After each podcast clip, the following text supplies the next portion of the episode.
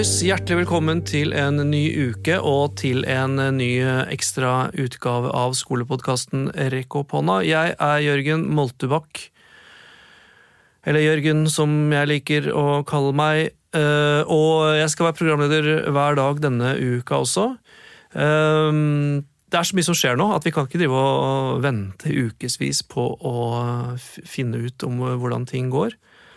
Vi snakka med mange fine lærere i forrige uke, og det skal vi også gjøre denne uka. I dag har jeg lyst til å finne ut hva vi skal gjøre når nå eksamen ble avlyst. Hele eksamen i grunnskolen er avlyst. Foreløpig vet vi at skriftlig eksamen i videregående er avlyst. Kanskje ryker også muntlig. Er det egentlig så ille, eller er det en gyllen mulighet til å jobbe på andre måter, jobbe ordentlig med underveisvurdering, med standpunktgrunnlaget, kanskje jobbe på nye måter. Det er tema i denne episoden. Men det er ikke noe rekk opp hånda-episode uten å høre hvordan det står til hos Martin. Martin, er du med? Jeg, jeg er med. Det er sånn basisspørsmål. Er du med, eller er du ikke med? Nei, ja, det er litt sånn, Jeg føler det noen ganger sånn at jeg på en måte sjekker inn for at man tar fravær. liksom, Noterer ja, Ja. er der. Men det er liksom bare oppholder seg der. Hva, hva, hva som skjer og gjøres, det er liksom Ja, jeg tenkte at det er mange som driver med det nå, og som kanskje får litt sånn f- illusorisk eh, opplevelse av at folk er med. Sånn hvis du tar en hel klassechat, da kan dere vise tommel opp hvis dere er her. Eller smiltegn eh, hvis dere er her. Og hele klassen viser smiltegn, så bra. det, Ja, da, er vi, da, da, da trenger vi ikke gjøre noe mer i dag, liksom. vet, det er sikkert ingen som gjør det, men det er fort gjort å bli litt forført eh, over internett, sånn at du tror du vet mer enn du egentlig vet om hvordan folk har det. da. Ja. Så hvordan har du det, for å spørre rett ut? Ja, du, jeg tenker på mange ting eh, samtidig. Såkalt multitenking. Ja. Det er et ukjent eh, begrep i forskningen, men eh, jeg tror det kommer til å bli ganske kjent i løpet av denne pandemien her. Mm. For det er på en måte En ting er den usynlige fienden som invaderer oss i form av et virus som slår ut folk og, og dreper folk. Det er på en måte det ene. Mm. Så jeg har begynt å kjenne på noe annet også, som er eh, like usynlig, men like tyngende. Det er sånn en belastning ja. som jeg har fått på en måte, i tillegg blitt mer og mer Jeg ble egentlig litt klar over den i helga når jeg satt beina høyt og, og, og slappa av. Ja. Merka hvor, eh, hvor tungt dette her egentlig er. Og usikker på hvor lenge jeg rett og slett klarer å skal fungere normalt, rett og slett.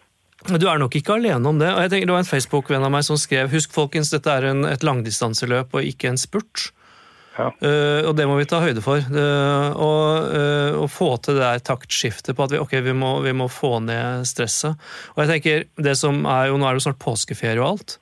Ja. Og det kan være litt sånn at man ser fram til det, at det skal bli deilig. Men at hvis du har løpt i motvind veldig lenge, og det plutselig blir vindstille, så er det fort å gå på trynet, som en eller annen har sagt en gang. Det kan ha Ja, vært og meg selv. ja, du gjentok det jo veldig eh, presist nå. Jeg tror, det, jeg tror dessverre det kommer til å være situasjonen for folk. Ja. Mange. Og vi skal ikke undervurdere den eh, betydningen skolen har for både lærere og elever som et sosialt kontaktpunkt med ytre verden. Altså. At det der eh, Det er kjempeviktig. Ja. Og uh, jeg, merker, jeg merker mye jeg savner det fysiske øh, arbeidsmiljøet. Det å være på en arbeidsplass hvor det er andre voksne du kan snakke med, og unger som øh, løper rundt beina dine, og alt det livet som er. Ja. Som er. Det er jo ikke så mye liv her hjemme. Nei. Vi satser på at det er noe vi kommer tilbake til om ikke for altfor lenge. ja. Men du, jeg kjører på her i studio denne uka også, og Ja. det jeg har lyst til å finne ut av i dag, er hvordan vi skal Du skal få lov å gjette gjesten. Ja. Eh, Jeg tror kanskje du kan klare det. Um, det er ikke, og Hvis du klarer stedet også, så blir det også sånn Hvor skal vi reise hen? Fordi En ting som skjedde i forrige uke, var at eh, skriftlig eksamen i videregående ble avlyst, og all eksamen i grunnskolen ble avlyst. ja. Så jeg har tenkt å snakke med en gjest om eh, hva gjør vi nå med vurdering uten eksamen, underveisvurdering, andre typer vurdering i den situasjonen her. Ok, tenker du Vil du gjette på gjest? Ungdomstrinn eller videregående? Jeg har lyst til å snakke om begge deler, Okay. Men eh, gjesten jobber vel på ungdomstrinnet, ja. Ja, ok. Vedkommende holder til eh, nord for Oslo. Ja, Han holder til Lillehammer. Ja, han har vært gjest i Rekk opp hånda før. Kjell Evensen. Yes. jeg skjønte at du kom til å skjønne. Den tok jeg. Det, Eh, jeg tenker det er mannen for denne anledningen, så jeg ringer han nå, jeg. ja, du, det var veldig lurt. Få får hilse, hilse Kjell Evensen og si lykke til med hva enn han holder på med. Det skal jeg gjøre. Ja, Ha det. ja kult. Ha det. Og Kjell Evensen skal være med oss på telefon nå. Er du der, Kjell? Ja, her er jeg. Hei, hei, og takk for sist, holdt jeg på å si. Jo, i like måte. Eh, Martin klarte å ganske enkelt å resonnere seg fram til at du var dagens gjest, og jeg må si eh, jeg ville kanskje klart det selv også, for du var gjest i den aller første episoden hvor jeg var fast programleder i Rekk opp hånda. Ja, akkurat. Og da, jeg regner med, husker du hva vi snakka om? Ja da. Vi snakka om eh, fagfornyelsen og ja, fagenes plass i eh, skolen. Vi gjorde det. Om tverrfaglighet, og du, du satt jo da i, i eh, fagfornyelsesgruppa for samfunnsfag, ikke sant? Ja, stemmer. Og i tillegg så har du jo blogga mye om vurdering og karakterfri vurdering og vurdering for læring og sånne ting tidligere. Ja, det har jo vært, en, eh, vært et eh, stort område for meg de siste ti åra. Så jeg tenkte når vi skulle liksom sjekke ut hva gjør vi nå når eksamen eh, blir avlyst, så var du en mann å ringe til. Da. Men først må jeg få høre litt på Øyer ungdomsskole. Hvordan har de siste ukene vært der? Ja, nå syns jeg det begynner å gå seg til ganske bra. Det var jo hektisk hos oss som hos alle andre i starten. Eh, Det var jo egentlig ingen som visste hva som skjedde den dagen skolen ble stengt. Så eh, hektisk jobbing de første dagene for å få systemet opp og gå. Men eh, nå føler jeg at vi nå har vi et bra system gående. Mm. Så det er daglige lærermøter, i hvert fall nesten daglig nå. Og ja, alle kontaktlærere har møte med elever to ganger om dagen. Og faglærerne er også på, tilgjengelig på plattformene vi bruker. Da. Så nå, ja, nå syns jeg systemet er ganske bra oppe og går, da. Var dere en skole som hadde mm, liksom mye av den type infrastruktur oppe fra før også? Brukt digitale hjelpemidler, eller? Nei, egentlig ikke. Vi har jo vært på iPad i noen år, men eh, vi har nok hatt litt å gå på på strukturen der, så vi var ikke klare vi heller. Så det ble bratt læringskurve for oss. Mm. Men det høres jo øh, fornuftig ut å ha faste altså faste møtepunkter daglig og noen ting flere ganger daglig og sånn, da. Ja, vi syns det opprettholder en eh, struktur for dagen for elevene og for oss sjøl. Vi la om timeplanen til eh, sånn som Elin Måge snakka om, med to økter hver dag med kun to fag hver dag. Og det tror jeg er en bra struktur, da. Mm. Ja, det virker på meg, nå er ikke dette forskning jeg driver med, men alle jeg snakka med, så virker det på en måte som barneskole og ungdomsskole, og ungdomstrinnet, har måtte vært enda flinkere til å kaste seg kjapt rundt og etablere nye strukturer enn en del videregående skoler. Det har vært videregående elever som har øh, skrevet i avisen og sånn om dette, at øh, det har vært mye, mye innleveringer og prøver og sånn. Ja, ja, og det er jo Kanskje det ligger litt i fagstrukturen på videregående, det, jeg veit ikke. Men, Nei. Men eh, ja, nei, og vi er vel alle opptatt av vurderingsgrunnlaget vårt, da. Ja. Kan jeg spørre, Hva var det første du tenkte da det kom på nyheten at eksamen i grunnskolen var avlyst? Nei, det var jeg veldig positiv til. Det det, Eh, ja. jeg, ja, jeg har egentlig vært eh, ganske skeptisk til eksamen lenge, og i hvert fall i den formen vi har. Så egentlig tenkte jeg at det, det gir oss nye muligheter da, til å både jobbe lenger og over ja, i en bedre struktur for mer læring og mindre testing. Da. Mm. Hvordan da? Altså, hva slags for... altså, vi jobber lenger, det betyr jo at vi ikke trenger å liksom, avslutte uh, arbeidet med standpunktkarakterene tidlig på våren for å begynne å forberede oss til eksamen. Men hvordan kan vi jobbe bedre? Jeg tror at uh, eksamen styrer mye av undervisninga. Om enten vi vil eller ikke, så, så blir det til at mange lærere ser mot eksamen og hva som skal testes der, og ja, opptatt av at elevene skal gjøre det bra på eksamen. Og Dermed blir undervisninga retta mot det, og det tror jeg ikke alltid er helt gunstig for uh, læring. da. Det kan uh, både gi det sånn ja, Jeg syns kanskje at det blir mye fokus på å prestere fremfor å lære, da. Mm. Så jeg håper jo at uh, kanskje det her kan gi oss en liten dytt i retning av at vi har skole for å lære, ikke for å måle og teste. Mm. Helt eh, jeg er jo enig, selvfølgelig. Men eh, helt, helt, helt konkret, hvordan tenker du at lærere som nå For det første er jo ikke sikkert alle er enige med deg og oss, og for det andre er jo ikke sikkert alle har tenkt hjem det på den måten, men en lærer som nå plutselig ser oi, jeg har kanskje en måned eller seks uker eller åtte uker mer med undervisning i faget mitt i tiende klasse enn jeg ellers ville hatt. Eh, hva tenker du er det lureste de lærerne kan gjøre? Egentlig jobbe videre som før. Eh, ikke ha så mye fokus på mål og teste, men ha fokus på læring. da. Eh, jeg tenker jo at Hvis man jobber mye med læring, så vil jo resultatene komme av seg sjøl. Eh, ja, så både bruke tid på repetisjon, men også ha tid til å legge inn flere temaer. Da, for vi har jo alltid dårlig tid i skolen.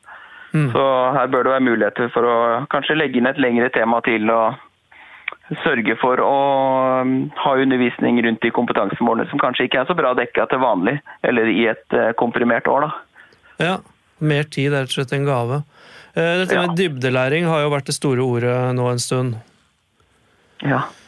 Er det, ja, det noe du også mener det er større rom for nå? Ja, det jeg har sett på opplegg rundt på nettet òg, eh, fra andre, er at jeg tenker at det virker som det er flere opplegg der man tar utgangspunkt i elevens egeninteresse, som gjør at kanskje elevens motivasjon øker, og at det blir flere opplegg som innebærer mer elevaktivitet fremfor eh, powerpoint-undervisning. Og Det tror jeg absolutt kan bidra til den dybdelæringa der. Og også at vi, når vi organiserer skolen i lengre økter og lengre og større temaer, så tror jeg absolutt det er et godt bidrag til dybdelæring. Og Det der er jo morsomt, fordi det er jo det mange har jobba mot i mange år. At vi skal ha lengre økter, mer eh, tema, tematisk undervisning og sånn, og nå plutselig kommer det. Og så tenker jeg Det du sier, det er de to punktene der om at hvis du dytter undervisningsaktivitetene nærmere det elevene faktisk er interessert i, ta utgangspunkt i et eller annet som er i deres virkelighet, ehm, og får dem mer aktivisert, at de er mer aktive, så øker motivasjonen. Det er jo også noen kjempeviktige sammenhenger.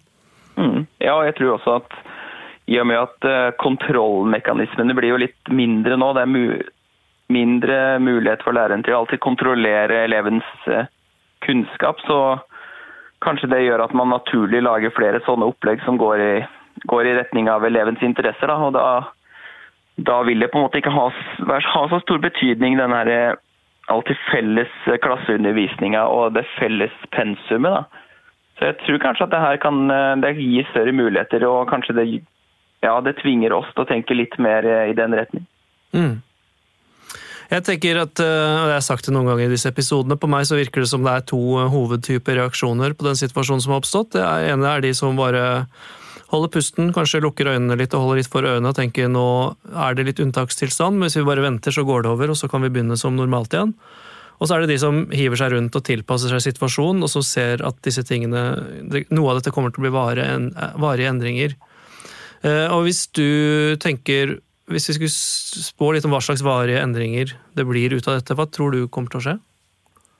Ja, si det. Eh, ja, jeg tenker Det er litt sånn som, eh, ja, som du sier, da. Det kanskje noen håper at det går over. Men jeg tror de aller fleste lærere nå tilpasser undervisninga si veldig bra. Ja.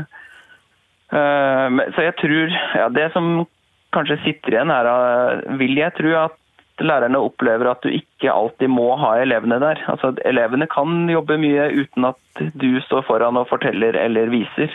Mm. Så ja, at det kan vi også ta med oss inn i skolen igjen. At læreren setter rammer, og så skal elevene jobbe. Fremfor at det er læreren som jobber hardest i klasserommet. ja. Det tror jeg kanskje, kanskje det er punkt én. Uh, og så tror jeg at det her fører til en stor kompetanseheving på bruk av digitale verktøy. Så, og den pushen tror jeg kanskje vi ikke hadde hatt eh, uten eh, denne krisen her.